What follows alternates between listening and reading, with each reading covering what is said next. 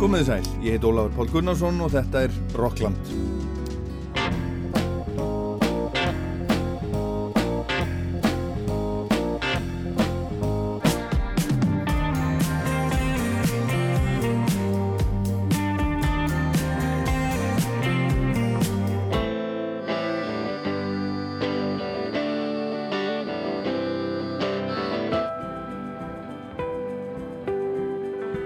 Senn líður á jólum.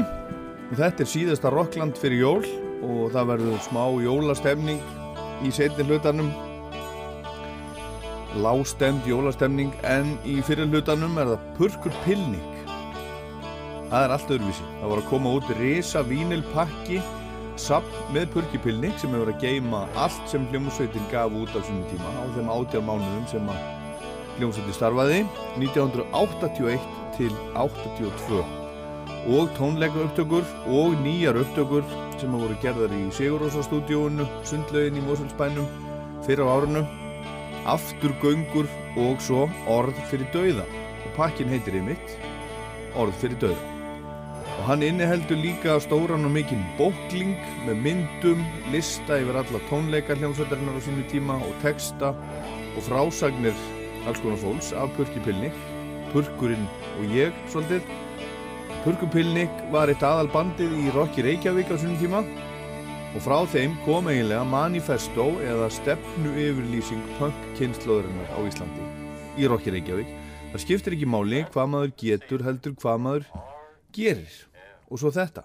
Það var lóksins uppgötað það að, að það þarf ekki að kunna svona gítarsólo til þess að vera í hljómsveit.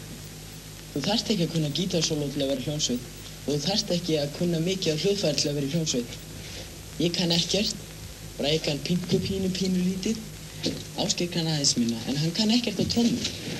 Já, einmitt, þessi strákar úr Reykjavík sögðu okkur krökkunum á þessum tíma að maður þyrst ekkert að kunna að spila gítarsólu til að vera í hljómsveit. Þeir sjálfur kynum saman ekkert en samt væri þeir í hljómsveit og þetta var til þess að það spruttu upp hljómsveitir út um all land, eða stemningin allavega á Íslandi var þannig. Musiktilurnir fættust þarna 1982 og svo framvegis og svo framvegis.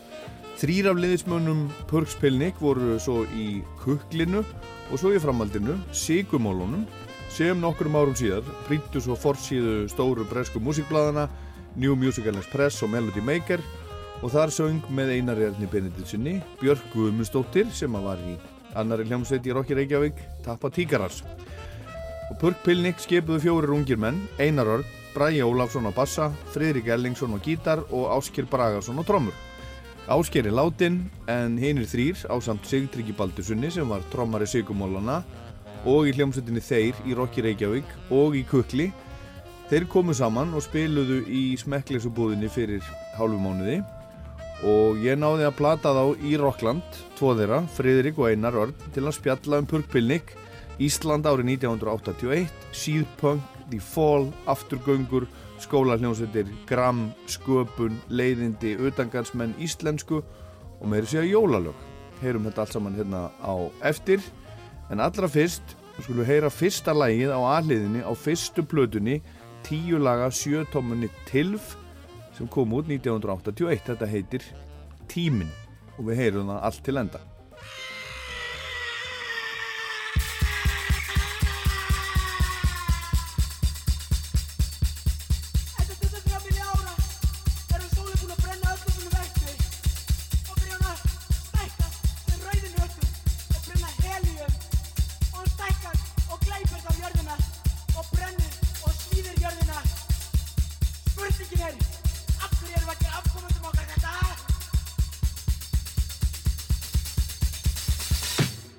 Velkomnir og, og til hamingjum með hennan, hennan rosalega pakka. Takk að þið fyrir. Þetta er, þetta er svakalegt, orð fyrir dauða. Já, þetta er stór pakki, þetta eru 5 vínilplötur, 180 gramma. Já. Þannig að það er ekki, það er ekki verið að skera við nögl. Þetta er þungarokk. Það er mikið þungarokk. Mikið þungarokk. En hvað hva voru, akkur talandu um það, ég er ekki sko sérfræðingur í svona, svona vínil nördaskap. Hvað var vínilinn þungur hérna að meðaltali áður fyrir? Hann er yfirleitt um 140 gram og svo með því að gera hann 180 gram að þá átt hann á dýbri ristu og Já. þá er vínillin svona betri gæði er sagt Já, og, hann er, hann er náttúrulega þykkari þá og skorurnar eru þá. Já, og það er hérna hljómurinn betri. hljómurum betri og það er einn vínil segjum bara einn vínil nörd og hann hafði fyrir því að láta mig vita að hann væri mjög ánægður með alla pressunina sem slíka. Hann hefði farið yfir hana Já, og hann hefði ekki heyrt neitt suð. Þannig að, að það er eitthvað sem er þá ekki á uh, 180 gramma, það er eitthvað ákveðið suð í pressunni þannig að á, á þinnri, á Að- þinnri að- vínil það heyrist meiri auka hljóð Já. í þinnri. Þannig að, að það var bara mjög ánægilegt að heyra það að það hefði hefnast Já. ég var svolítið með svona þorði ekki að ringja í hann fyrir en hann myndi ringja í mig sem hann og gerði og til að láta mig vita að hann hefði hlustað en núna ætti hann eftir að hlusta á tónlistina já nú var Ha- hann bara búin að hlusta á söðið Já, hann var bara búin að taka át suðu og búin að, já, búin að fylgjast, fylg, hlusta tvís var á, á, á framleiðsluna, eins og hann sagði. Já. En, en, en hvers vegna eh, hvers vegna kemur þetta núna og hvað er þetta? Hvað er þetta? Þetta er náttúrulega, þetta er uh, okkar æfistarf. Þetta er okkar átján mánuða æfistarf e, sem er að koma út í, í heild endur hljóðblandað allt saman. Nei, endur, e, ekki hljóðblandað sig, heldur endur það er svona remaster, remaster heitir þetta. af segulböndunum Eða að hvað? hluta, Að hluta til. Já, já. Eigið ekki all, all segulböndin Nei, mest sum af af þeim, já, mest af þeim, en sum af þeim eru bara orðin ónýtt eftir, eftir svona langan tíma. Já. En af hverju við erum að gera þetta núna, það er kannski, um, við, við, hérna, við fórum í desember í fyrra, þá fórum við niður á Lemmi, ég, Bræi og Frikki, áskerir fallin frá, að við ákvaðum okkur að, ákvaðum að, að hittast að gamni, að því að við höfum ekki hist neitt lengi og við fórum niður á Lemmi og horfðum á PP Tribute Band og það voru þeir að spila hérna. Purpilnik og svo í framhald að því að þá fórum við aðeins að, að spekulera í því að ok og, og þá var Bræi, hann er eiginlega segur um það að hafa haldið þeirri hugmynd á lofti mjög lengi að vilja fara í hljóðverð til að taka upp orð fyrir dauða sem eru lög sem við spiluðum bara einu sinni á Melarokki Mhm. og Reyndar aftur 85, Já, reynd- eftir að við erum hættir, komið þarna einu sinni saman, félagsstofnum stúdenda, hitt upp fyrir kuklið, tókuð þá orð fyrir döða með sýtryggi. En uh, þau voru samin sérstaklega fyrir þessi síðustu tónleika okkar sem voru meilarokki 28. ágúst 1982 og já, Bræi gekk alltaf með þann drauma að við færum með þessi lög í, í stúdíu og gerðum þeim góð skil. Þannig að einhvern veginn smalt þetta allt saman.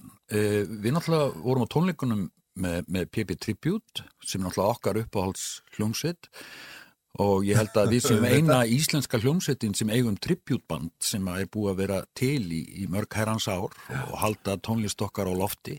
Þeir eru búin að vera, ég held ég gangi í 16 ár Já, 16 Hvernig ár. er það? Þetta er mjög sérstakt. Eh, Hvernig var að mæta á lemmi og, og, og sjá það? Óbóðslega gaman, það var óbóðslega gaman. Það var líka svolítið skrítið, náttúrulega, eðlega fyrir okkur, en, en, en mjög gaman og þeir náttúrulega eh, skemmtu sér konunglega og þá náttúrulega gengur allt upp. E, þannig að þetta kveikti svolítið í okkur og við fórum svona að ræða þessi mál og, og, og það fór bara mjög fljótt í þann farveg að við ákvaðum að fara í stúdíu og gera þessum lögum skil og í beinu framhald að því tökum þetta allt, gefum bara allt út eh, reynum að, að, að gera þetta bara vel og gera þetta hérna uh, gefa þetta út á þessum á vínil og það var, já, gefið út af þessum vínil og líka síðan er þessi 48 síðna bóklingur að, að það voru uh, til dæmis ekki textar með Googleplex og textarnir og ekki enn, þeir voru hljóðritaðir. Jú, jú, þannig að, að sem mörgum til ama. Já, þannig að, að og ég hafði séð útgáfur af textunum af ekki enn sem að voru svona ok ah, Ekki ekki alveg en Nei, þú veist ekki neitt til þess að missa svefni yfir. En þannig að, að það var líka fyrir okkur bara að, að draga þetta saman og við, það er ekki sem sagt að við ætlum ekki að gera stafræna útgáfa af þessu, við erum með afturgöngur sem eru fjögur lög sem eru eldri lög sem við tókum líka upp í Já, mæ sem að við erum búin að gera stafrænar útgáfu af og setja á netið. Þannig að þetta er svona um, bara að dra- já, draga þetta saman og síðan er svolítið merkilegt að að í gegnum árin þá hef ég heyrt um, bara áhuga hjá, fólki sem ég hef hitt sem að minnist á það hvað, hvað PP skipti það miklu máli. Og, og ekki bara hjá sagt, jafnöldrum mínum heldur líka hjá yngra fólki sem er að nefna til að þessi hljómsveit hafi verið mikill áhrifavaldur uh, í þeirra lífi og ekki bara fyrir hérna sögnina málið er ekki hvað þú getur heldur hvað þú gerir heldur bara tónlistin, textarnir og attitútið, já, viðhorfin. Viðhorfin, já. á, sem að við vorum. Og það hefur kannski ekki bara og það eini, eini, eina viðmiðunin hefur verið það sem að var gert í sem kom fram í Rokki Reykjavík. En það er, þá, það, það er annar kapituli en síðan eru aðrir sem að hafa aldrei séð hljómsveitina sem að bara hlustuðu á tónlistina sem að komu og sögðu bara þessi, þessi hljómsveit skiptir okkur máli. Og, og þá hvar get ég fengið? Hvar fæ ég? Þú veist, hvar fæ ég plötuna? Um, og það segir þetta er á streymisveitunum. Já, það er ekki það sama. Aha. og, og þá, nei, það er ekki það sama og, og þegar maður tekur upp svona, svona útgáfi eða vínilplötu að þá, þá ertu komin með eitthvað svona fyrirbæri í hendurnar sem að þér, sem að þér, þér byrja síðan að þykja væntum þetta er, þetta er að, aðeins öðruvísi tilfinning. Þetta er, þetta er allt annað. Þetta er allt annað. Við skulum heyra núna eina afturgöngu að það eru koma jól, glugga, gluggagægir. Já, kíkjum á sem er eitthvað annar gluggagægir heldur en heldur en sá. Já.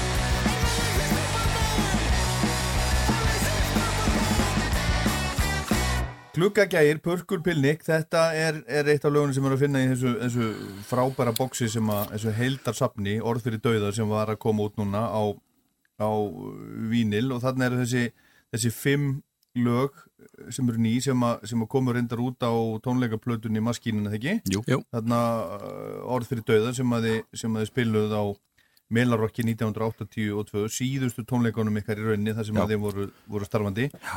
En, en, en svo er það þessar afturgöngur. Af hverju ákveðu til dæmis að taka upp aftur þessi, þessi fjögur lög? Það var nú bara mest fyrir það að við vorum alltaf komnir í stúdíu og þetta var óbúslega gaman og við vorum líka að hugsa, ok, hérna, við þurfum að geta sett einhver lög út sko, til, a, til að heita upp í fólki og, og, og gefa fólki til kynna hvað hva, hva er smá vænta af, af, af pakkanum, sko. Þannig að við völdum þessi lög sem voru svona kannski þau svona eh, að einhverju leiti signatúrlög á sínum tíma eh, sem var mikið beðum og, og, og æft, eftir á tónleikum og, og, svo framvegis.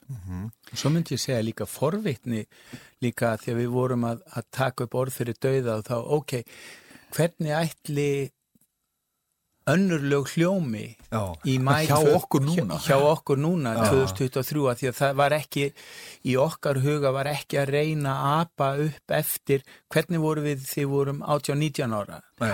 heldur hvernig er gluggagægir Hjá okkur núna. núna Já. og hvernig er augun úti hjá okkur núna og, og það sagt 40 árum síðar já, rúmlega, 40 árum síðar. Hvernig er, erum við búin að slappast og erum við, veist, erum við orðin svona værukæri Já, og þú er- veist, Er þetta, emitt, er þetta, er þetta, er þetta léleg tilfinning að vera í þessu, standi í þessu, Já, að vera að er- spila þessu lög? er, er, En það kom, það var alls ekki þannig, Já, þetta var bara, er þetta virkaði. Já, er þetta réttlætanlegt að við séum að misþyrma einhverju sem að er eitthvað einhver, eitthvað legacy, einhver góðsögn að, að taka þessi er þetta, þú veist, er þetta hvað heitir það, er þetta blasfemi? Hvað er það, það er Guðlast. Guðlast, er þetta guðlast? Guðlast, já, já, En, en það virkaði mjög vel og, og hérna, og við bara, einmitt, við spilum þau eins og við spilum þau eins og við erum núna. Og, og þau, stand, þau standa bara og Svo- það gengur upp. Já, svo er náttúrulega er annar trommari, Sigtryggur Baldursson er hann, ekki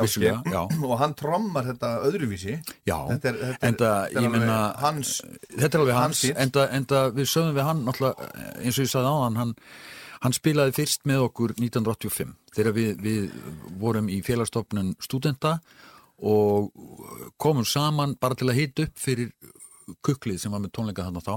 Við tókum alveg heilt prógram, æðum upp með, með Sittriki og, og eins þá og, og eins og núna þegar við fórum í stúdíu og svo Sittriki, þú, þú, þú, þú gerir bara, þú veist, þitt. þú ert ekki að Eh, ekki að elda eh, það var náttúrulega ákveðin hlutir hann, hann hlustaði náttúrulega eftir okkur hvað að gera að gera hérna? Mhm. og, og, og e, e, að því að, að Ásgeir náttúrulega hans spilamennska var aldrei bara var, trommurna voru hljóðfæri sko, það voru kreatíft hljóðfæri í músíkinni og, og hérna Sýtryggur náttúrulega mikill músikant og meistari skilur og, og skila sínu glæslega eins og, eins og við, við varum að búast En Ásker sko, hann er frábært trommari Mm. Tölum aðeins um hann og hann, hann var ekki sem sagt, hann var ekki mentaðu trommari Nei, hann var en náttúrulega hann var, hann var búin að læ, hann var bassaleikari hann var hann var bassaleikari bassaleikar og fantagóðu En var hann sem sagt tónlistarskóla gengin? það er ég ekki Nei, um. það held ég. Nei, hann var bara eins og, eins og mjög margir eh, og, og við allir sko bara sjálflærið í tónlistumenn uh, eins og ég, hef sagt, ég, ég er ekki gítarleikari en ég spil á gítar. Já. og það er, í mínum huga er það tvent ólíkt. Og ég er ekki söngvari en ég syng. Já, og Bræi er ekki bassalegari, hann er rítufundur Já, en spilar á bassa. Já. en, en hérna En svo er maður líka ekki bara eitt, maður, maður, er- maður er margt Mari Mart, það er rétt. Þannig að einar þú ert líka söngvari. Já, já, ég, ég En Ásker, já, hann, hann sett uh, einar bara heyrðan einhvern tímann sittast, þeir voru að dreifa plakutum Við vorum að dreifa plakutum og fórum inn í æfingarhúsnæði þar sem að sögin var við borgatún og hann hoppaði þar inn og, og tók trommusólu og svo og hérna, svo heldum við bara áfram að, að hérna, dreifa plakutum dreifa plakutum og svo þegar kom upp á að, að, þarna, að það væri tónlistakvöld í MH þarna í mars 81 að, að ég og Bræi erum upp í MH og þá séum við að gera þá einhver, gera einhverja uppákomu og, og, og náðum að að hérna stilla okkur þannig saman að, að, að við fórum bara á æfingu 8. mars allir fjórir og, og gerðum nýju lög og spiluðum síðan daginn eftir þannig að þetta var aldrei Það var byrjun Já, þetta var, við vorum ekki, þannig að ég og Bræi, við höfum þekst alveg bara við allir fjórir þá, þá höfðu þekst allir úr hagaskóla. Já. Þannig að við komum bara, þannig að þetta var ekki eins og við værum að auglýsa eftir trommuleikara eða eftir gítarleikara eða, Nei, nei. eða vilja nákvæmlega. stopna hljómsveit. Þetta var svona smá, svona bara aksjón sem við döttum í og gerðum þetta. Já, en, en þetta er sko, ég menna þú veist, hann er alveg frábært trommari Hann er Hann er alveg Geggjaður trommari. Þannig að hann var í rauninni ekkert búinn að spila neitt ekki sem Ekki- ekki- trommuleikari ekki á trommur. Hann var, hann, nei, nei, Hann er bassalikari og var í hljómsveit Já, í já. hann er hagaskóla. bassaleikari sem spila á trommur þannig að þegar þið spilið sko, þegar þið takið upp til Já. komað þjóðettir, þá er hann Já. bara búinn að spila í hvað? í, í tæpan mánuð Í tæpa mánuð Já, og þegar þið takið upp hérna, fyrsta apríl þetta er magnað Já, fyrsta æfingin er 8. mars en, en Fyrstu tónleikarnir 9. mars Já, og upptakan 1. apríl við skulum stökkva aðeins í sko, að, aðeins í tíma Mm. þið gáfu út, út hérna, No Time to Think sem er öll á, á ennsku Já, þar er Surprise sem er náttúrulega óvænt í, í Rocky Reykjavík. Hérna, við, skulum heyra það. Það og hlustum bara til dæmis á Á trommuleikin trommuleikin, já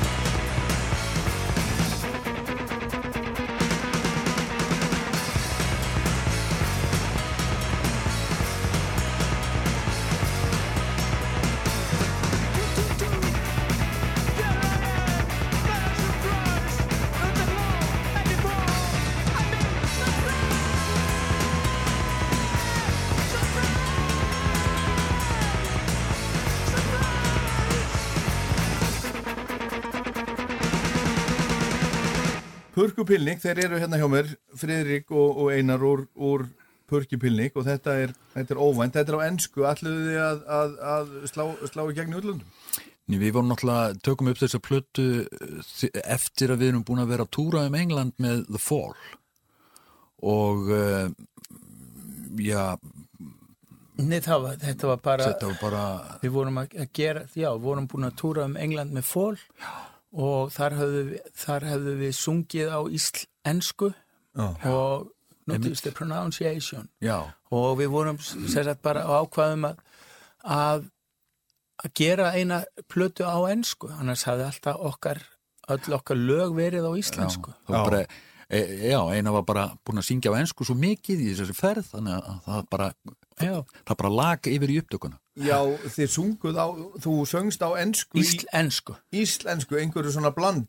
Já. bara eftir minni það Já. er bara því ég uppgötaði hver ég var stattur ef það ég voru stattur ótrúlega skemmtilega stundum hjá hann um spontant þýðingar á orginaltekstunum sko, Já. á, Já, já, á, á, á þessum tónleikum þetta voru nokkuð margir Já, því ég kannski uppgötaði að, að við vorum í Southampton og, og þeir töluðu, fólk talaði ennsku í Southampton, þá þurfti ég náttúrulega að geta að tala Já, ennsku.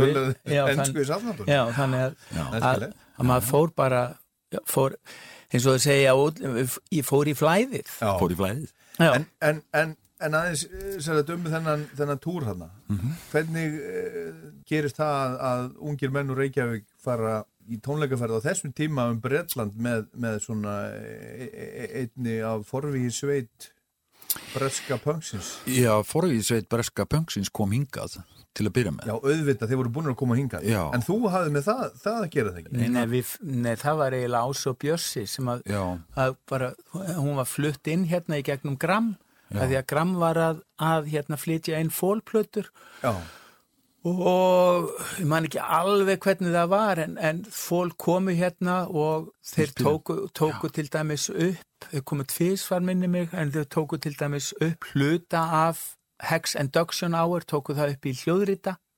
Og og svo voru við að hita upp fyrir fól í Östubæjabíó og, og okkur var bara vel til vina. Kay uh, heitinn og Mark heitinn að þau fannst við vera frábærir bara ungir hressir, hraðspilandi hérna guttar.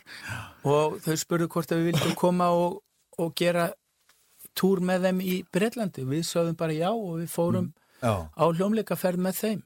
En, en sér grammið hérna flytur hljómsveitin inn en þú ásmundur stopnuðu grammið ekki?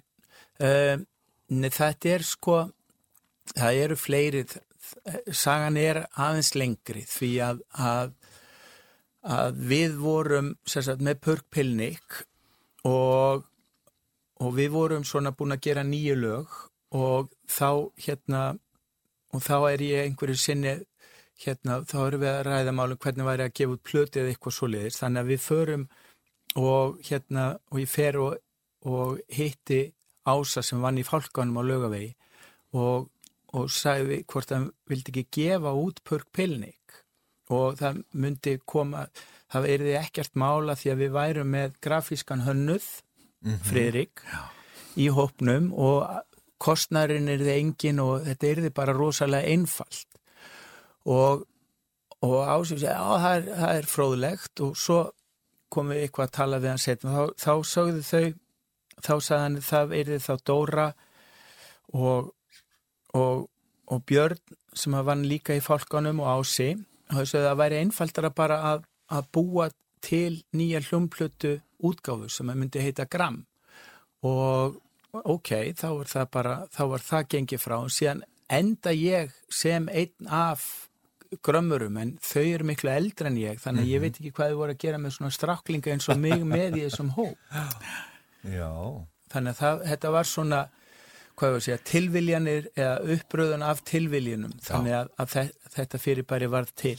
Já, já þetta er, þetta er, þetta er skemm, skemmtilega saga. En, en sko aftur aðeins að, að áskeri, ég held að ég hef nú aldrei náð að, að hitta hann. Mhm.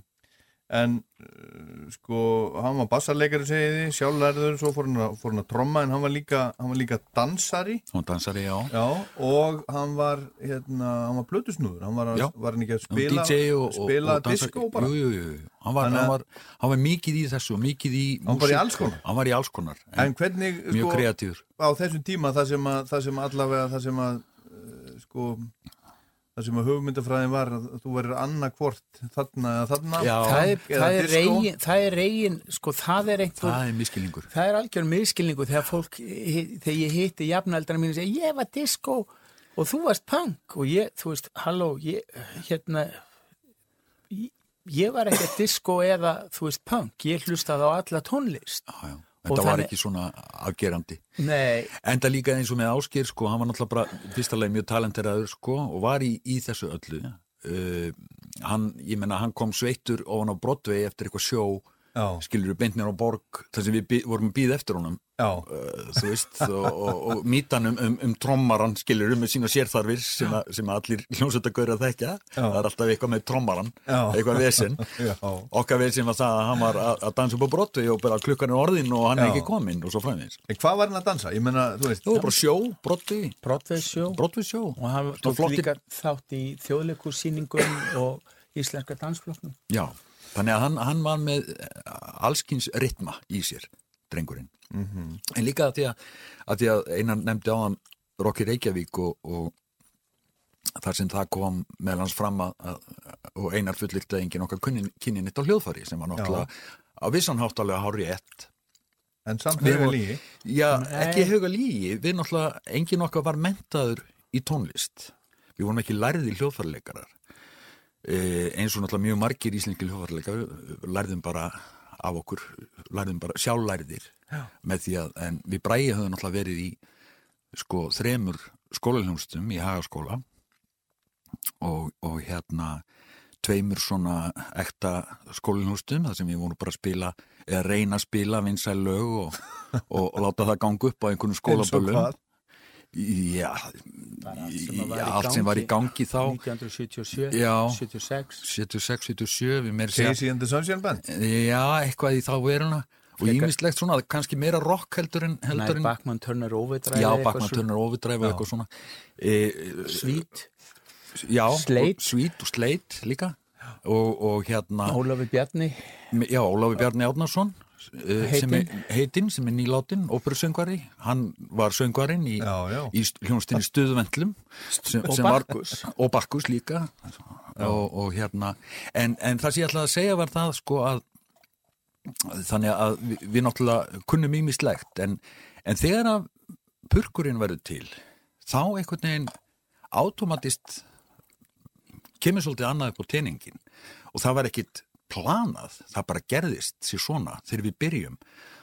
Og auðvitað náttúrulega uh, sko höfðu textar einars náttúrulega ákveðin áhrif á það að, að okkar tónlist var fyrst og fremst augna, tjáning augnabliksins að við erum að reyna að gera með músikinni að miðla því sem, sem er í textunum.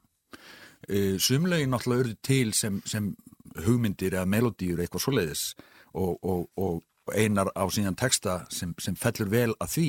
En mjög margir textar eins og til dæmis bara á naps af ekki enn Mhm. sem einar orti nú í, í, í hérna Kveðjuskinni í kveðjuskinni til, til uh, hljómsveitar sem óþar vera nefna. Sem, sem að hann hafði já sem heita, já, byrjar á U Já, já, og endar á já, já. og svo framvegis. E, e, og og eftir að hann hafði kvart á e, eftir einhverja tónleikaferð var ekki Skandinavíð eða eitthvað svo leiðis já. Já, ég meina við umboðsmaður já, umbósmaður þeirra og, og, og þetta er um Ég myndi kalla sumarið mig freka bókara. Þeir sáu, þeir, um, þeir sáu svolítið um sig sjálfi Um sig sjálfir. Ég var bara bóka tónleika. Þannig ég held ég sé bókara þeirra. En eins og hann, þetta er um sumari, við hittum síðan þetta sama haust í Englandi, þar sem við erum að æfa, fáum æfingahúsnaði, erum að æfa, uh, áður en við fyrir í stúdíu og taka upp ekki enn. Við bræði höfum verið, bræði hafði verið á, á vertíð á Östjörðum, ég var norður á Akureyri, báður höfum verið að búa til eitthvað stöf, ég fór einu sinni til hans austur og við sátum með kassakítara á, á kóin hans og vorum að uh, spila saman, að æfa upp eitthvað smávegis. Svo hittistu allir þarna út í, út í London. Og þá til dæmis sjáum við fyrst eh, textana hans einars, eins og til dæmis þennan texta. Ánaps. á naps og það var náttúrulega ljóst hvaða tilfinninga voru í þessum texta og lægið er það Já. við erum að reyna að, að, miðla þessari reyði, þessari vombriðum og, og, og, og særindum Já. með músikinni þannig að, að um, til ég segja við vorum ekki lærðir tónlistamenn en það var líka kostur vegna þess að þá höfðum við allt frelsi til þess að, að gera það sem tilfinningin sá okkur að vera rétt, Já. músiklega Heyrum Ánaps núna. endilega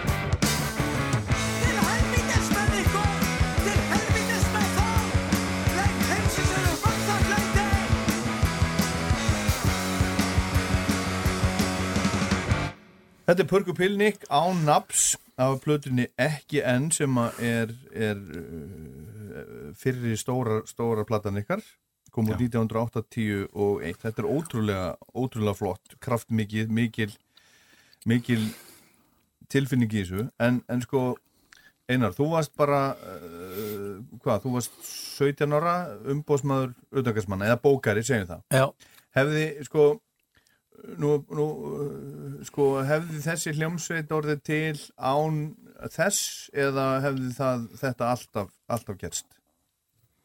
um, sko hún hefði alveg orðið til án þess því að við höfðum sagt, ég og Bræi vorum saman upp í MH Bræi hafði komið þangað eftir Vestlunarskóla próf og við vorum allir vinir og þannig að það var alltaf samgangur á mill okkar. Við vorum að, að svona velta hinn og þessu fyrir okkur.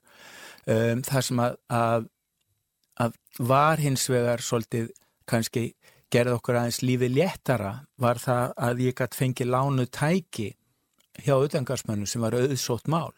Og líka að Daniel Pollock hann kom með okkur síðan í stúdíu í stúdíu stemmu sem, og er þá titlaður sem upptökustjóri.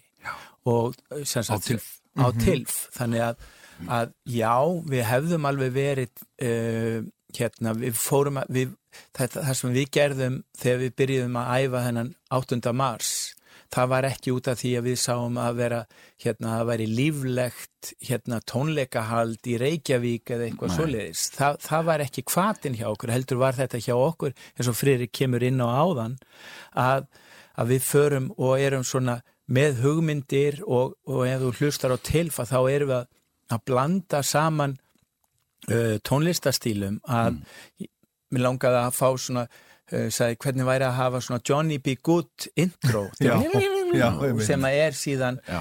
introðin í gleði sem að er í funk Aha. þannig að, að, að þá er, erum við með þessi fjó, fjó, fjóra aðila þarna inni sem að gera þá sína útgáfu af Funky og Johnny B. Good og, og erum þá með þú veist eins og, og, þá erum við að blanda saman og það er eini referenspunkturinn eða tilvísunin sem við höfum er í raun og veru við sjálfur og líka þá svo tónlist sem að þú veist, ég var að hlusta á þú veist, sem er í raun og veru punk yfir í síðpunk sem að kemur, þú veist, sem að er að koma inn og þú veist, ég get nefnt til, þú veist, Throbbing Gristle sem er bara háfaða, industrial háfaðaband, en við vorum ekki þarna, The Fall eða Svellmaps, Svellmaps voru gerðu lög sem voru 20 sekundur uh, og voru ein mínúta. Þannig að, að maður vissi að formati þyrfti ekki vera þrjár mínútur, það gat verið bara einstutt og hugmyndin væri löng. Akkurat, og, og, hugmynd, og, og, og það þurfti að vera, eins langt og það þurfti að vera. Hvorki meirinn, alls ekki lengra. En, en þetta, uh, þú veist, ég man eftir þegar ég heyrði þetta, þegar þetta var splungu nýtt og maður hafði aldrei heyrt neitt svona. Nei. Þetta var öðruvísi heldur en allt sem maður hefði heyrt. Og akkurat þetta, þú veist, tíu lög eða ekki, tíu lög á, á til Tíu á lög? sjötóninni, já, 12 mínútur og 20 sekundur já, á lítill plötu. Já. Og maður hugsa bara, það þurfti ekki meira Já, þetta er bara eins og, þetta svona? eins og ég verið að segja á hann sko, við, við, við, við höfðum allt frelsin til að gera þetta nákvæmlega eins og við vildum gera þetta skilur. við vorum ekki bundnir af einhverju akademísku formati eða þá bundnir af, af dægulega forminu skilur, já, það verður tvö erindi svo viðlag og svo aftur erindi og eitt við, við, þetta var bara ekki það sem við ætlum að gera við ætlum bara að gera eitthvað annað við ætlum bara að gera okkur sjálfa einhvern veginn heyranlega í gegnum þessa músík og, og hérna ég meina eh, Bræði til dæmis, það sem hann er að hlusta á þarna á þessum árum og þegar ég sitja á Braga inn, inn í hans herbyrgi þegar við erum unglingar og erum að reykja svít döblin eins og engins í morgundagurinn og hlusta á, ég veit ekki hvað ég hlustaði ekki á hjá honum. Eh, Dave Brubeck, Dave Brubeck eh, Bill Bruford. eh, Guðminn góður og alls konar sko, variasjónin á músikinu var, var svakalega en þar til dæmis hjá honum held ég öruglega þess sem ég kynnist King Crimson. Og þar finn ég minn svona, mína fyrirmynd í gítarleik eh, Robert Fripp sem að er, er mjög sterk fyrirmynd en önnur fyrirmynd líka sem er David Gilmour í Pink Floyd, skilur, kortist langt sóló það var reyndar ekki bóði í Purki Pilling Já, en, já. en, en það var ákveðin stemning og fílingur sko, ekki bæði hjá honum annars vegar og síðan hjá Fripp. Já. og, og svo framvegis og svo framvegis. En já, eins og náttúrulega sko, fjölbreytnin sem, sem Bræl hlustaði á var, var, var ótrúlegt. Og, og, og eins með áskeri, menna hann var náttúrulega hann hlusta á Japan, hlusta á, já, já hann var David svona Silvan og alls konar, já, heyrum af tilf, tilfinningu. mm gott dæmi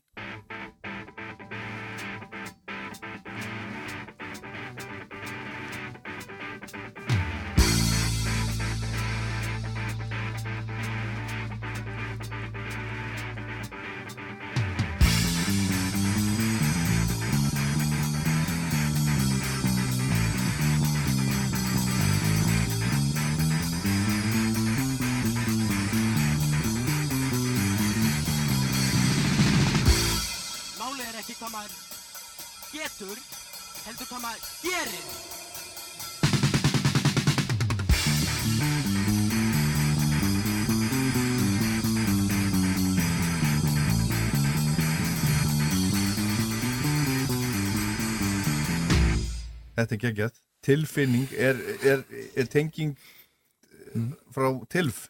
Yfir í, tilf, er Nei, stýtting á tilfinning. það er þannig. Já. en tilfinning var sko um, fyrsti textin við tilfinningu um, var uh, ljóð eftir Einar Má Guðmundsson sem að var ég hefði á einhvern veginn á tilfinningunni að allir, snorri, allir skrifstofumenn hljóti að heita Snorri og, og Einar Már kom upp í AMH var upp í AMH að selja ljóðabókina sína er nokkur á koronafötum hér inni. Og þannig að, að ég held að við höfum keift þarna eintak og veist og þetta, mér fannst þetta æðislegt ljóð. Og það rataði inn í, sagt, inn í sagt, þegar, mig, þegar ég var ekki byrjar að skrifa texta þá greip ég í texta sem að mér líkaði og notaði, notaði hann. Já. þannig að, að síða, veist, þannig að þetta er allt hjá okkur að við erum að koma saman og það er allt mögulegt það er ekkert sem má ekki Nei, mitt. Mhm. og það er það sem að skiptir svona höfumáli hjá okkur að, að það er, hérna ég segi ekki að það sé virðinga hvort öðrum tónlistarstílum heldur, hei, það má alveg gera þetta svona. Já. Já. Heyrum, heyrum líka gleði og það er Berry. Na, býtum við. Jú, Johnny B. Good, mér minni það. Prófaðu það bara. Ekki gleði, nei. Ekki gleði. Uh, sko, Chuck Berry er í... Hvað heitir það? Hvað heitir það? Jó, já, ok. Það er andlit. Það er andlit. Sem er með. Chuck Berry. Já. Já, alveg rétt.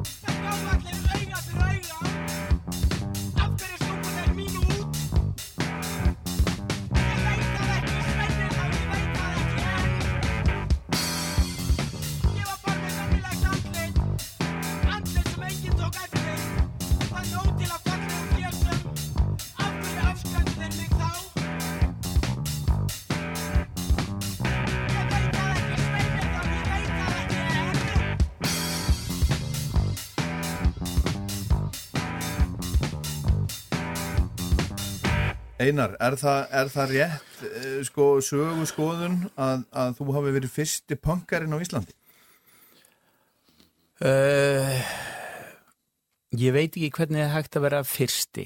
Um, Þetta er það sem að rocksagan segir okkur. Já, Roxanne segir að ég hafi verið fyrsti en ég kannski var um, fyrsti í Vesturbænum. Það voru fræbladnir og það var fólk, það var náttúrulega fólk að hlusta á nýja tónlist sem var að gerast erlendis, eða sérst var að vera í útlöndum og uh, ég get ekki sagt að ég, ég, ég ætla ekki að eiga heimtingu á að segja ég sé fyrsti punkari en, en að bekkja myndum að dæma þá, þá var enginn sem að var að klæða sig eins og ég þannig að ég var, já, ég var fyrst í mínum bekk Ok, það ég held að það sé Já, ágætt lending allavega, já, fyrst, fyrsti til að dressa sig eins og Já, pöngari allavega. já, og, og hlusta.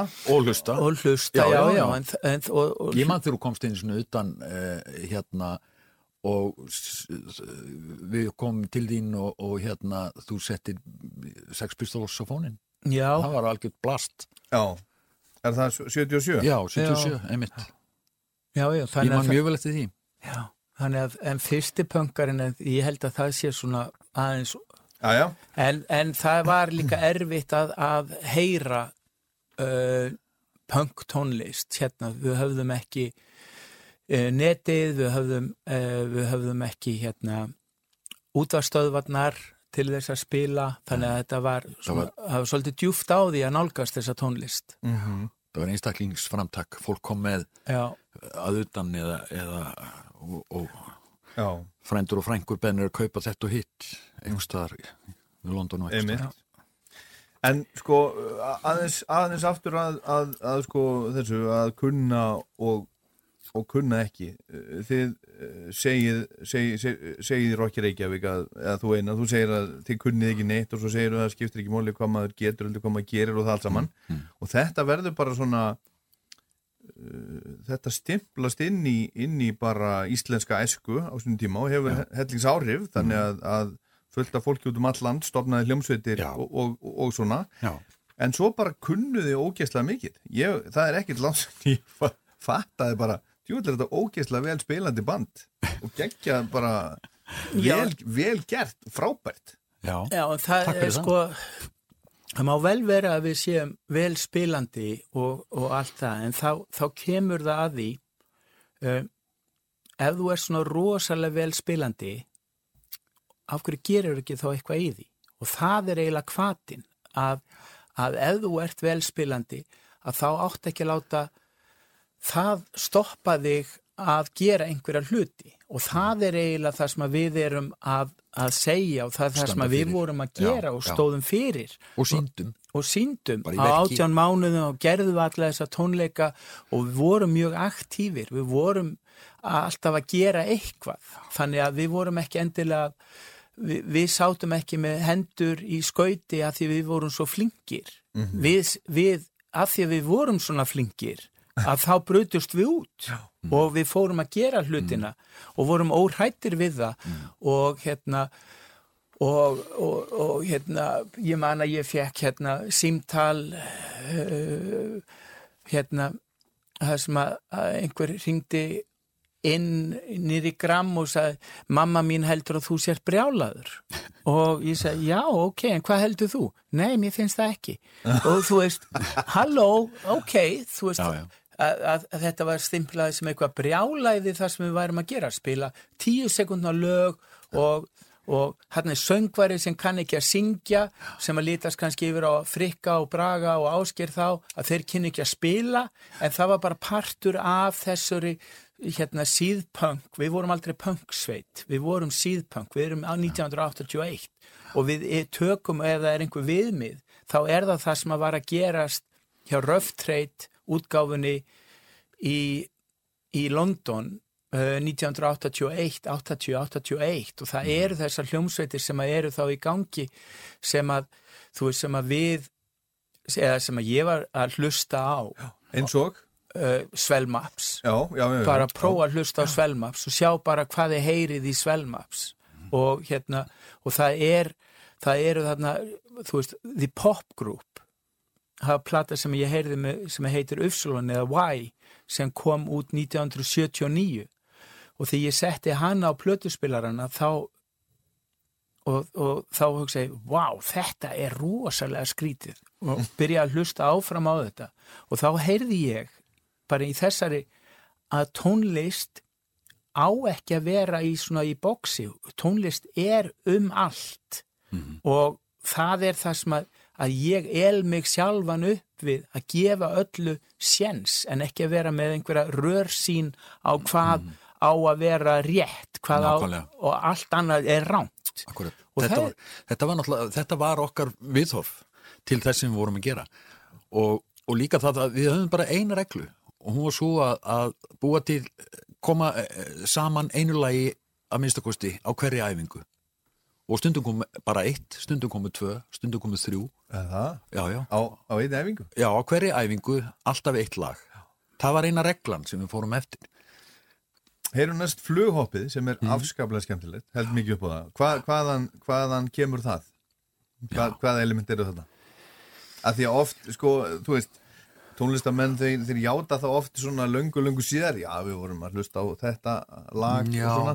Er, er, þetta einhver staða frá? Mm, Ég, þetta, þetta er hvergi frá að því að ég held að þessu tímabili að þá erum við eins og ég er kannski búin að vera að minnast á að þá er eina tilvísunin þá er það, hún er alltaf við okkur sjálf. Já, þannig að við erum ekki, við erum fjórir þarna og við erum allir með mismunandi fyrirmyndir. Já, og, og við drögum alveg af því þannig að ég að hérna eina sem að þú veist við erum að gera er að spila einhverja tónlist sem að við erum sáttir við og erum að, að, að, að hérna að skrifa tónlist eða semja tónlist inn í kannski ákveði textaform og eitthvað með svona flughoppa þú veist að, að En þetta verður, þetta verður til vegna þess að það erum við fjórir sem komum saman með ólík áhrif hver og einn en allir góði vinir.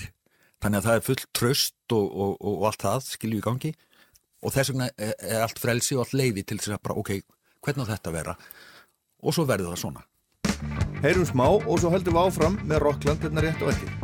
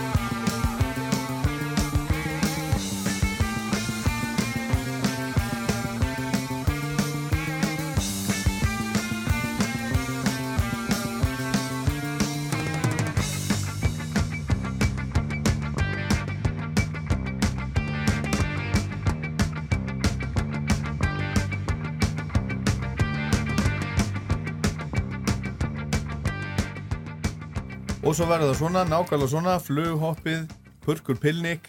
Þeir sitja hérna hjá mér ennþá, þeir Friðrik Ellingsson og Einar Örn Benditsson úr purki pilnik.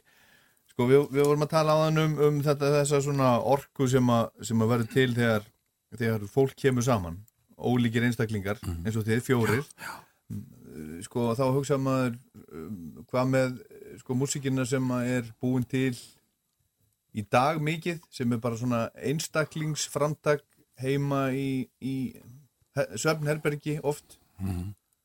Uh, þá vantar kannski akkurat þetta eða, eða van, já, veistu það að það geti verið til í því. Það vantar kannski eh, örfun og ögrun frá, frá einhverjum öðrum. Að kasta bolta í, með músík er alltaf mjög þróskandi og holdt og, og þetta er líka algengt eh, að ég hef nú fengist við að skrifa kveimtahandrit að þegar maður situr lengi einn við að skrifa áður maður veit af er maður fann að taka hugmyndir utanfrá en ekki að vinna úr efninu. Hættan er svo að, að ef maður situr of lengi einn yfir einhverjum svona skapandi ferli að maður fara alltaf inn að retta sér á því að týna eitthvað utanfrá. Mm. já, þetta er svona og áður maður veit af er maður komið ekki já, þetta hljóma nú svolítið eins og já, er það, æ Mm. en, en, en, en, en þá, það verður kannski ekki á sama hátt þetta svona, þessi skapandi neistaflug eins og þú ert með, með aðra með þér Mhm. og, og það verður einhver svona dýnamik í gangi sem, að, sem, sem er sköpunarkrafturinn einhvern. En síðan held ég að sömur af þessum samskipta leiðum um, hafi breyst líka. Um, ok, við erum kannski einangraðari en það er alltaf talað um að heimurinn sé að stækka út af því að við getum talað við fólk hinnum einn á nettinum í mynd. Mhm. og, og það er ekki til faxvél lengur, þú sendir e-mail eða þú sendir einhver skilaboð, getur verið að tala þvert yfir heiminn, en í skapandi ferli þá er það eins og Fredrik segir, þú, ert, þú verður að, að passa þig á að, að geta staðið upp og þá svona hort kannski í hérna, hvað ert að gera og þá að, að vinna úr því sem að þú ert með í staðin fyrir að fá eitthvað lána eins og er sagt við þegar ég man hérna fyrir nokkrum árum að því sagði hvernig hljóma þessi? Eða þú veist, já, er þetta góð hljómsveit? Og þá sagði, já hún hljómar eins og og eins og og eins og. Og þá er alltaf verið að segja að hljómi eins og eitthvað annað. En í okkar tilfelli eins og Purku Pilning að þá hljómaði Purku Pilning bara eins og Purku Pilning Algjörlega. Herðu, en við erum búin að tala um, um hérna, svona áhrifavalda, það verður svo sem ekki til upp úr reyngu, en, en, en tölum aðeins um svona, svona, svona stemninguna í, á Íslandi og, og Reykjavík sem, a, sem að bjó uh, þessa hljómsveit til. Það var bara feikilega fín stemning á þessum tíma. Já, hún var, ég hef samt svolítið svona um, öðruvísi um, upplifun af því kannski Ég get að segja að það hafi verið gaman. Nei, það var ekkert endilega gaman Þess en það- vegna, meðal annars, þess vegna var, var gaman að vera í hljómsveit af því allt annað var hundliðilega. Ég menna okkar uppvakstar ár eru náttúrulega einhverju ömulegustu tímar í Íslandsögunni. Það er allt grátt leiðinlegt, það er allt í höftum, það má ekki neitt. Höftum útskýrðu. það Já, er- ég meina bara er- alls konar innflutningshöft, vestlunarhöft, alls konar, alls konar takmarkanir og öllu, það má ekki neitt. Þetta er leiðinlegasta í uppvakstar tími sem tvö nokkur flug í íslensk viku til, Já. til London Já, uh, í dag held ég að séu 13 á dag það, er- það er ákveðin svona Já, mínu. það Já, hefur, ég meina við vorum, sko Ísland var á þessum tíma bara lengst út í hotni og, og uh, loftleiði rétt að byrja eh, með, þú veist að, plata bandaríkjamenn til þess að koma í stopover hérna á, í Evrópufluginu þú veist, að vera að reyna að búa til ferðamennsku, reyna að búa til þetta þetta var ömulegi tímar en, en hérna Samt eitthvað svo næs. Já, það verður allt rosa næs í minningunni skilur, eða þú veist, í, í gamla daga var allt svo frábært, en það var bara alls ekkert frábært. En þess vegna líka, ég menna þessi tónlistasprengja sem verður hérna, hún er ákveðið viðspyrna við þessum ömurleika og leiðindum og öllum þessum gengisfellingum, ekki gleyma þeim. Og, og sjávarútisfrettum, skiluru, drottin minn dýri og svo framvegis og svo framvegis. En, en þetta var viðspyrna og, og við erum partur af þeirri kynslu sem, sem, eh, sem gerir þessa viðspyrnu. Purkur er partur af af þessu af þe- já, af þessu hljómsveita fargani sem þarna var. sj- já, sjálfsvakningu bara hey ho, let's do something. Hey ho, reynum að gera eitthvað. skemmtilegt. Reynum að gera eitthvað hérna. Já. ekki allir að vera svona leiðinlegir. Nei, en svo, svo hérna var ég að lesa eh, bóklingin sem, a, sem að fylgir orð fyrir dauða og þar eru, eru eh, svona ýmsir ýmsir sem að skrifa svona sína purksögu og Já. ég ringdi til dæmis þegar ég var að leiðinni frá Akranesi þá, þá ringdi ég í hann Björn Gunnlaugsson Já. skólastjóra og, og, og, og PP Leiðtoga. leiðtoga og vorum að tala þeim saman hann var á, á Melarokki eh, Ari Eldjátt, hann skrifar hérna líka hann var í Badnavagni á Melarokki á, á Melarokki pínlítið með, með fóröldur sínum. Og svo var það hann, hann, hann Kristján bókaútgefandi. Já, Kristján B. hann talar um að þegar hann heyrði til fyrir fyrsta skipti þá var það Jónas Jónasson sem að spilaði alla plötuna og var svona uh, eitthvað að svona fárast yfir því hvað þetta væri nú allt saman skrítin, skrítin músík. Munið eftir þessu? Nei, Nei, ég man ekki eftir ég man ekki eftir að hafa heyrði þetta Nei. en hann sem sagt, já, ég ætla að Ég spila kannski, hérna- kannski á Silla upptökuna spila þessa, spila þessa plötu þetta er, svo, þetta er mjög skrítið allt saman. en ég held að, að það hefur kannski verið óvart að, að platan hafi verið spiluð og ekki verið hægt að taka nálinu upp að því lögin voru svo stutt þannig að ég veit það ekki Nei, ég held ekki, ég held að það hafi ekkert verið spilað á ríkisútarpinu þessum tíma sem að var ekki búið að hlusta á, á undan sko. Nei, nei, allt nei. vel, vel Já, já. Un- undirbúið. En, Já, en við skulum hérna hlusta á, á aðra afturgöngu. Já. liggur í augum úti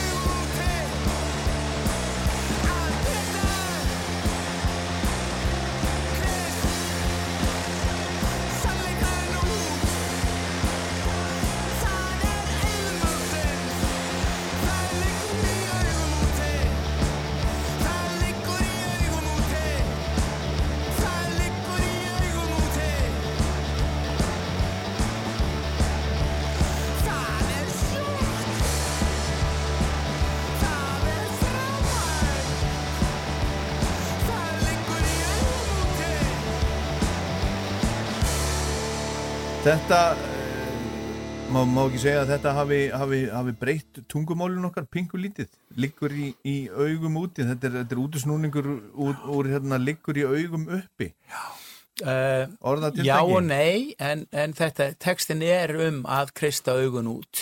Þannig að, að þetta er alveg beint referens ég, tilvísun í það að augun liggja úti eftir pyntingar. Þannig að, Krista sannleikan út. já, krista sannleikan út. Já. Þannig að það liggur í augum úti. Jú, þetta er hérna, uh, þetta er viðbót við tungumálið. Viðbútt, já. Að, að tungumálið er lifandi og, og þá var það bara um að gera nota það. Já, með því að snúa svolítið upp á það, þá byrtist allt innu ný mynd Já, í, í, í málið og, og eitthvað hugtak eða orðasamband fær nýja merkingu. Það er það sem er skemmtilegt. að því að þetta er ekki það er ekki að eins og ég ég heyrði einn íþróttafréttamann sem að var að, að seg, lýsa því að hann hefði hlaupið þarna með boltan upp í höndunum á sér. Upp í höndunum á sér? Já, það er, það er rangt að segja það. En að segja það liggur í augum úti það er rétt, Já. að því það er það sem að textin fjallað um. Ég ætlaði aldrei að segja það liggur í augum uppi. Nei, þannig að þetta er alveg rétt notkuna á tungumálinu. Já, en síðan eru ambögur í tungumálinu sem að hérna, mér finnst mjög gaman að fylgjast með þegar eins og ég heyrði, hef heyrt í útvarpi eða sjónvarpi að þetta er alveg að kóðna upp það er ótrúlegt sem maður heyri mikið að rugli, sko. En að vísu eins og Haldur Lagsnes saði, ekkert orð er skrýpi eða stendur á réttum stað. Sem er alveg, alveg við hæfi að segja. En það eru mjög mörg skrýpi sem eru á, röngum stað já, Já. orð sem eru á röngum stað og verða þess vegna skrýpi. En nú, eh, já, sko, þið voru þarna, þegar þið voru að gera þetta, þá voru þið, þið ungumennir sem voru að augra samfélaginu, nú voru þið allir mikilsvirtir listamenn, rithöfundar, þú voru búin að semja óperu fyrir Erik, þið eru myndlistamenn, allt mögulegt. Hafið, hafið þið áhyggjur af, af íslenskur í tungu? Nei, nei. Fer held bara einhvern veginn. Ég menna, hvað, þetta áhyggjur? Það þarf að vísu, ég menna, Þegar þið eru einir með sjálfum ykkur að hlusta útarpið, horfa á sjónvarpið. já, ég menna, mann hefur alltaf ræðilegt að fólk get ekki talað bara rétt mál, þú veist. Og ég sérstaklega fólk sem er að vinna í fjölmiðlum, útarpi, sjónvarpi. Þetta er hörmulegt, þetta, ég menna, er ekki, er ekki hérna málfars ráðunautur hér á fullum launum? Ég menna, ef ég var í þessu jobbi, ég verið hlaupandi hérna um allt, sparkandi í rassa hægri vinstri. Þetta er óþólandi að Þú ert heyra. ráðinn, þú ert ráðinn. Takk, Nei, ég held takk. að við höfum ekki bara tíma Nei, ég, ég held að vísa að, að, að það megi alveg hérna huga að því að, að lesa sér til skemmtunar að, að það er og það má líka hlusta sér til skemmtunar En þá þarf að vera eitthvað skemmtilegt til að lesa og hlusta á. En má, ma má man ekki bara líka leiða stundum? Er ekki bara gott Jú, að það er leiðast? öllum hólt að leiðast Já. en, en, en eins og einu sagði áðan tungumáli er, sko, það er verkfæri og, og það er verkfæri til að skapa með og, og það er hægt að búa til skemmtilega hluti með, með tungumálinu, nýja hluti. Og allt hennu sér maður einhverja hugmynd í alveg nýju ljósi vegna að hún var orðið alveg á nýjan hátt. Það er eitt. Svo er hitt sem er bara klúður af því að fólk kann ekki lámarks eh, sko, bara lámarsreglu Já, hlaupa þarna Bara með skamm. í höndunum upp í sér. Já. Já, einmitt, og, og svo framvegis og svo framvegis. Herðu, en, strákar, þið spiluðu purkupilnik í smekkleysu daginn. Smekkleysa var náttúrulega til upp úr, upp úr gramminu. Uh, Grammið það gaf út í gamla daga Tappa Tíkaras og Vombriði og Q4U og Joni Joni og Kukl og þeir og Íkarus og allt mögulegt. Svo var smekkleysa til spil- spiluð í smekkleysu búðinni sem er núna uh, komið niður á, á hverfiskötu. Hérna, uh, það var tróðfullt fyrir eh, bæði inn í búð og fyrir utan ég sá bara myndir þess að ég komst ekki það var ekki fært frá Akranusu þennan dag Við spilum setti tvisar til þess að fleiri kemist inn. já, en allir ekki að spila meira?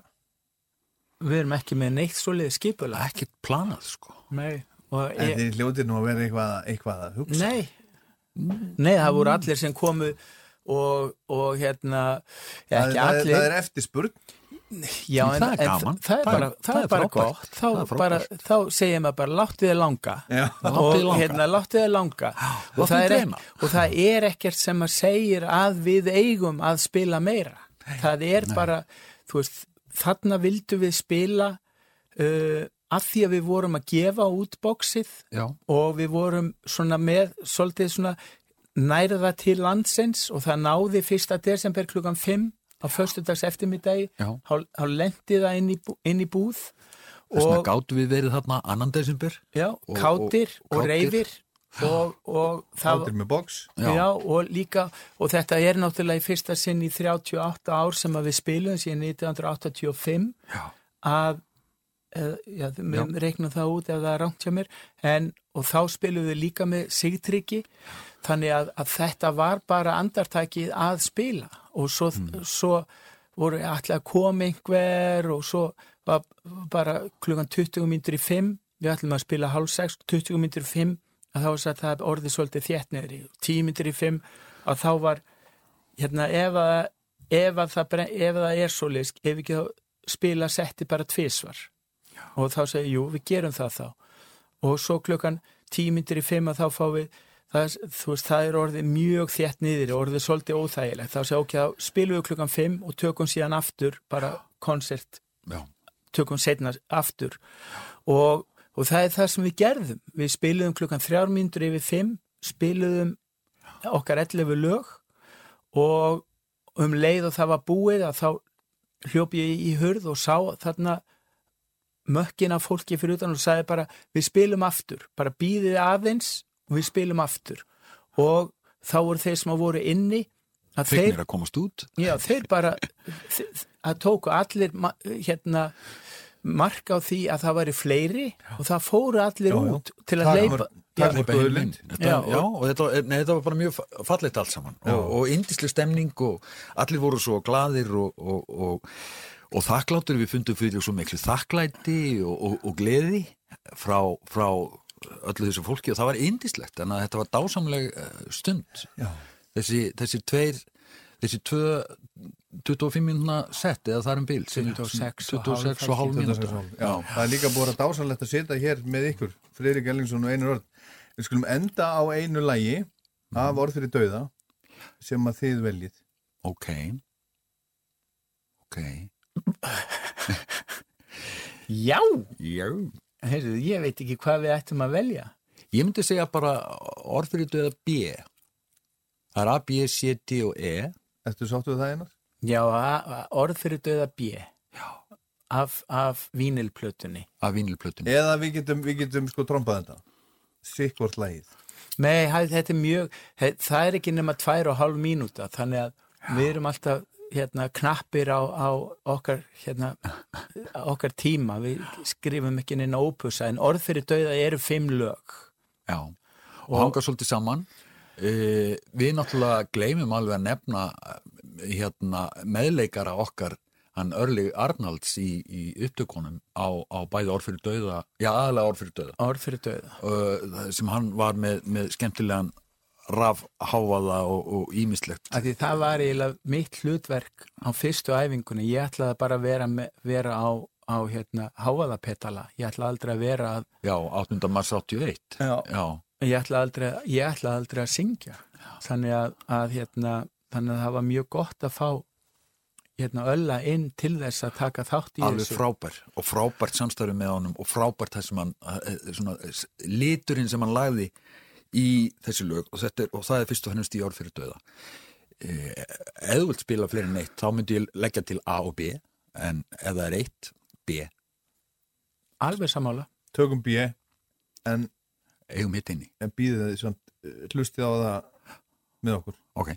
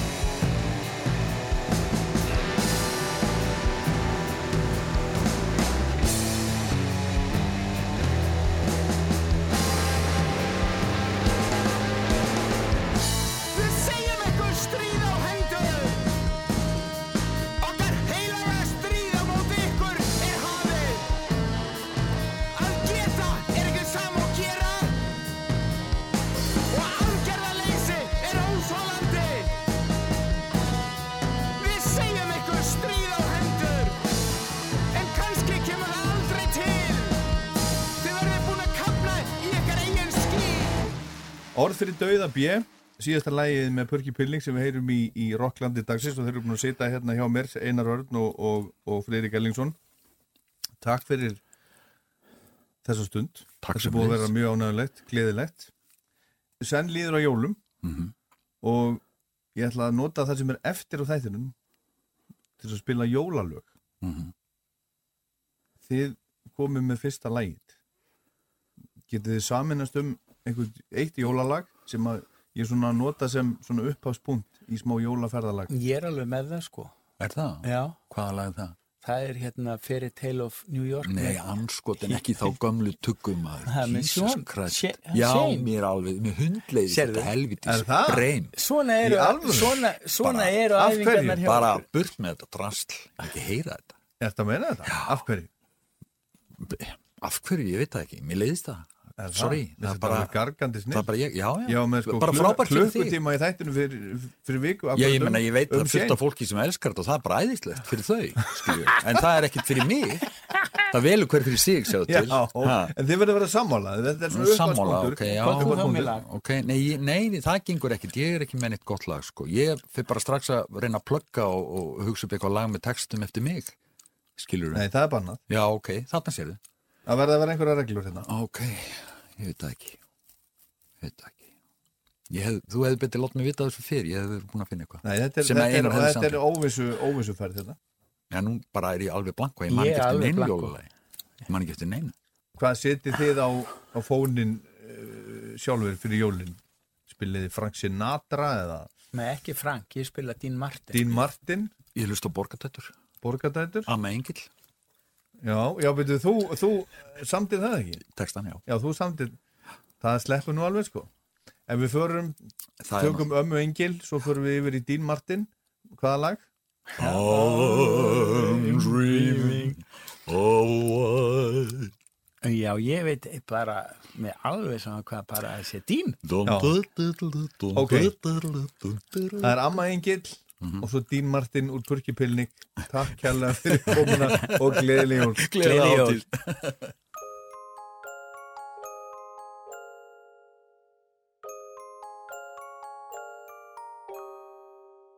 Þegar amma varð engill á himninum há, var heimili daburt og sorglegt að sjá.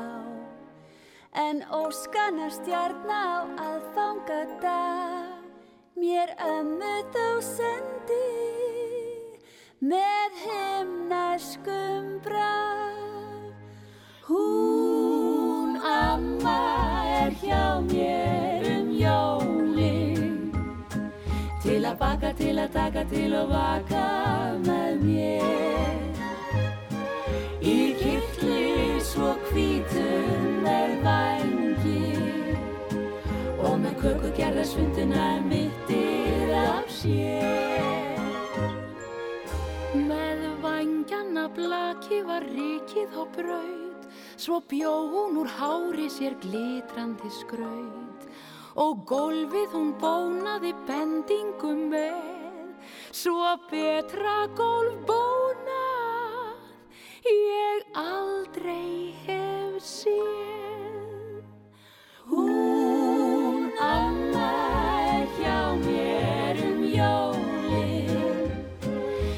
baka, til að taka, til að vaka með mér Í kirtli svo hvítum með vangi Og með köku gerða sundina mittið af sér. Í eldúsi rjúfurna reitt hún af snill Og rappað um daginn og veginn að vild. Í sérrið fór hún svo fínt við og við Og fekk sér í nefið að íslenskum sið. Er obskúfan átjándu sortina sá, að síðustu ammalokk settist mér hjá. Og sagði mér sögur og hvæði hún hvað. Þá komu loks jólin, já þannig var það. Hún amma er hjá mér um jólin Til að baka, til að taka, til að vaka með mér. Í kirtli svo hvítum með vængi og með köku gerða svutuna mittið á sér. Til að baka, til að taka, til að vaka og með köku gerða svutuna mittið á sér.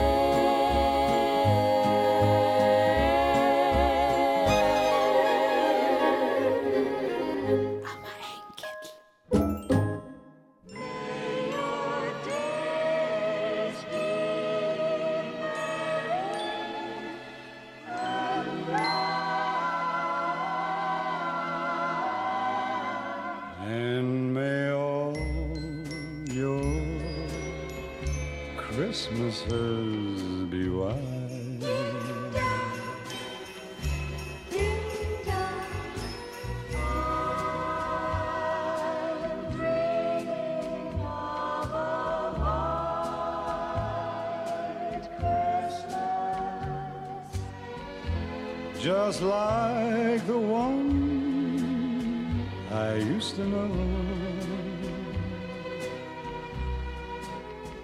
Where the treetops glisten and children listen to hear sleigh bells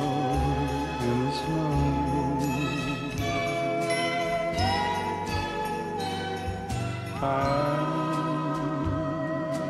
dreaming of a white Christmas with every Christmas card that I write.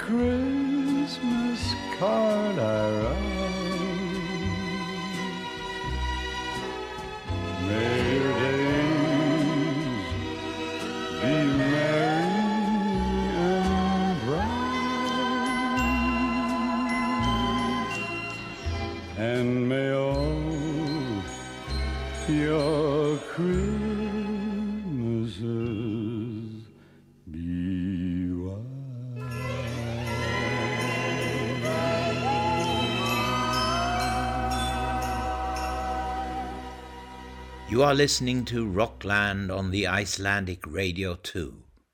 On Ollie Pally's show, uh, this is Bjorn Alveus, and I'll send you my best wishes from Stockholm.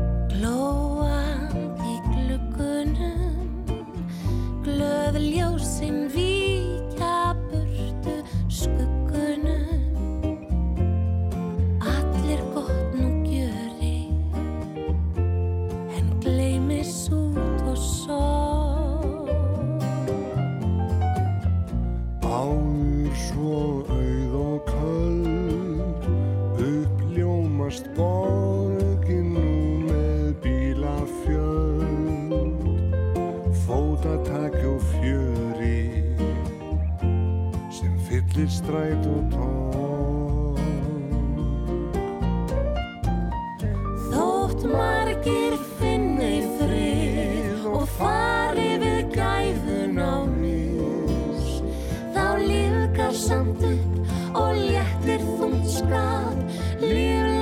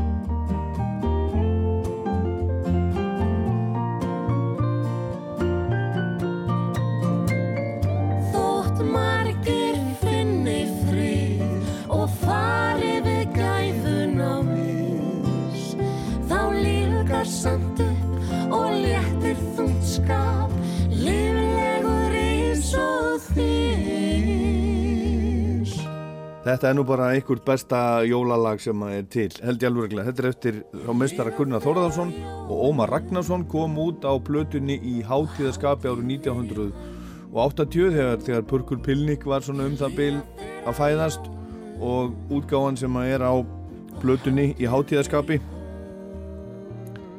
upprunalega þar spilar Gunni á gítar og það er magnaðu gítarlengur. Þetta eru Siggi Guðmunds og Sigriður Tollarsíus og þau gera þetta líka, líka mjög vel.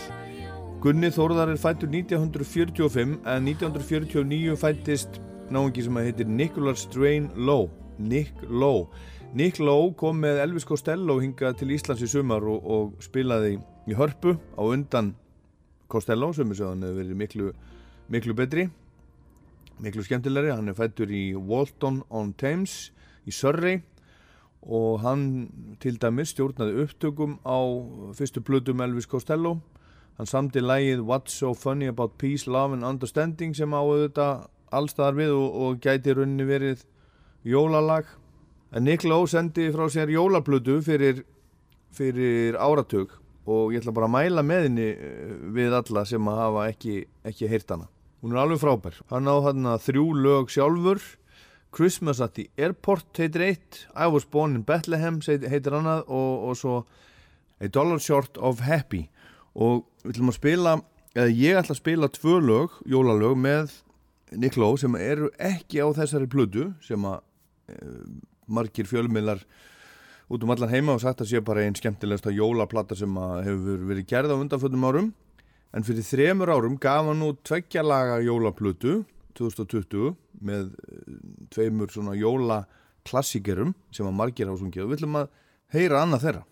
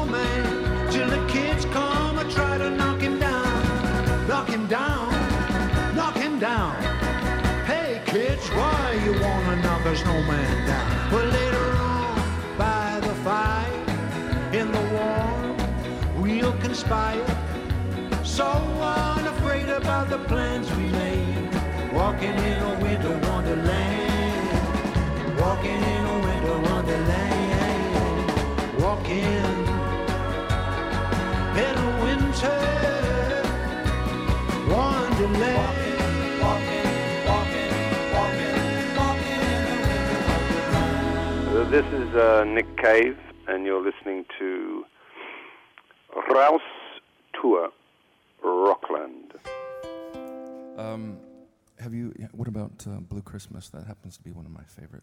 Góð favorites. hugmynd. Yeah. You guys know that one? Yeah. Shall we try it out? Engin mótmælir. Ok, gott. Æði. Já, prófum það þá. I'll have a blue Christmas without you. I'll be so blue thinking about you.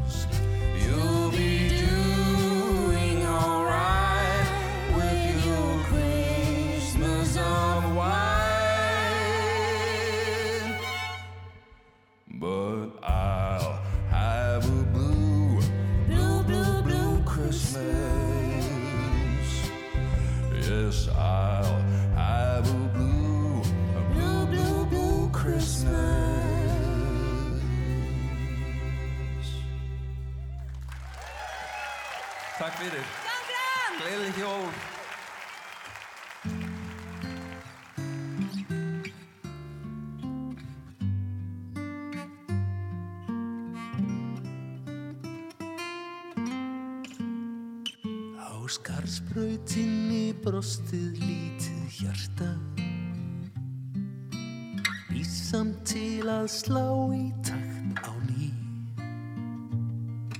Er byrtan tekst lags á við tómið svarta Og delur senn í hátíð samkvæmt því. Jólinn kika í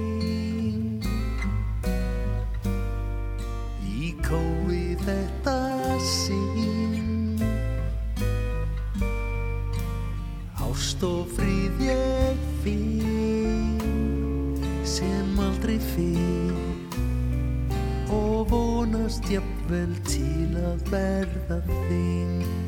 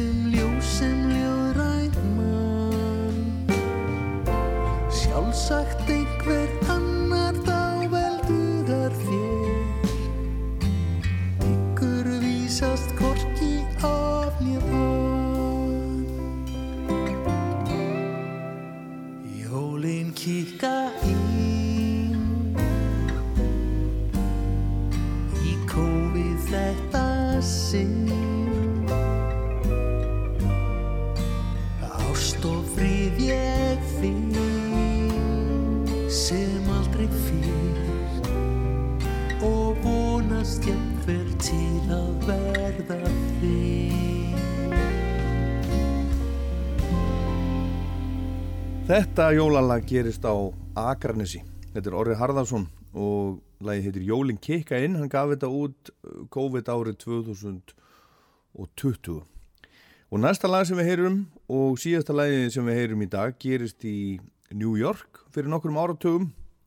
Ég ætla að loka Rocklandi í dag með laginu sem Einar Örn vildi að ég spilaði eh, þegar ég bað hann og Freyri Gellingsson um að velja jólalag til þess að, að byrja á jóla hluta þá, þáttarins hérna á eftir en Freyrík vildi ekki heyra á það minnst að spila það ég ætla samt að spila það, lagi Fairy Tale of New York sem er um þessa mundir í 5. sæti breska vinsaldalistans á vinsaldalistanum í Breitlandi í 20. skipti og það er á toppnum á vinsaldalistanum á Írlandi og ég fjallaði ítalega um þetta lag tilur þess og sögu í síðasta Rocklandi fyrir viku og það er hægt að finna það og heyra á rúf.is og í rúf apparatinu appinu sem að þeir eru vonandi með flest í símunum ykkar eða iPadinum það gerir lífið skemmtilegra og þar með betra að vera með það. Ég bara sverða.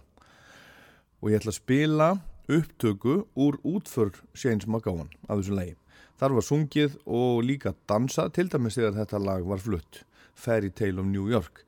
Írarnir og vinir Shane's Glenn Hansard sem að spilaði eins og á bræðslunni og Lisa O'Neill sungulægið, Glenn spilaði á gítar og félagar úr hljómsveitinni hans Shane, Pogues spiluðu með. Útförin fóru fram í, í uh, katholsku kirkjunni í Nenag í Tipperary, St. Mary's of the Rosary en sýstir Shane's sem talaði í jarðaförinni sagði að Shane hafi þótt mjög vandum Nenag þar sem að hann varði mörgum sumurum hjá ömmu sín og afa þegar hann var strákur í litla sveitabænu þeirra umvafin söng og gleðskap. Og eiginkona Shane's talaði líka, Victoria Mary Clark, og hún sagði að Shane hefði sjaldan mætt í jarðafæri sjálfur og honum hefði verið ítla við þær og hann hefði örgleik ekki mætt í þessa sáðan. Og Jerry Adams, fyrir um leiðtög í Sinn Fein, stjórnmálarms IRA, hann kom og, og talaði líka og Bono sem að gata ekki mætt, hann sendi upptöku og hérna er þetta, endum þetta svona, upptaka úr jarðaför Shane's McGowan, núna daginn. Ég heit Ólafur Pál Gunnarsson, þetta var Rockland, síðasti þáttur fyrir jól, meigum við öll eiga gleðileg jól. Takk fyrir að hlusta. was Christmas evening in the drum time. An old man said to me, Won't see another one. And then he sang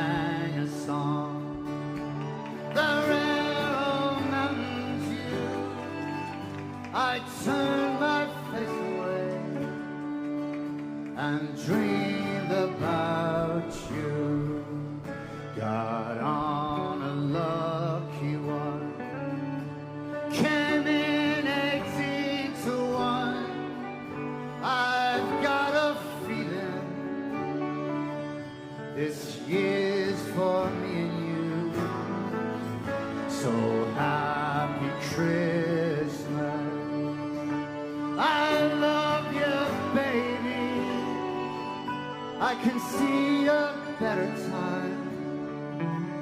when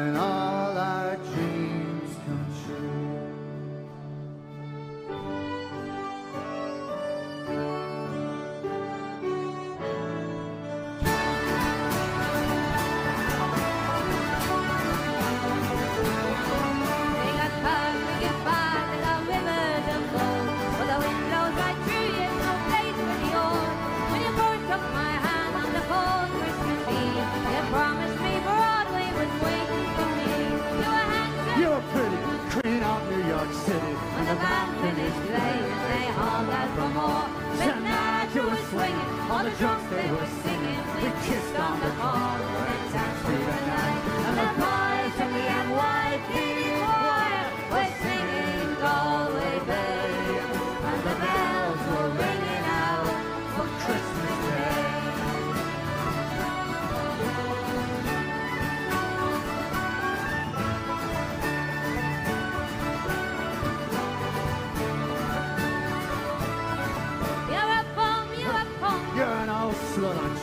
Lying there almost dead on a drip in that bed. Scumbag, you cheap. Happy Christmas, you're. The boys the were singing. And the bells were ringing out for Christmas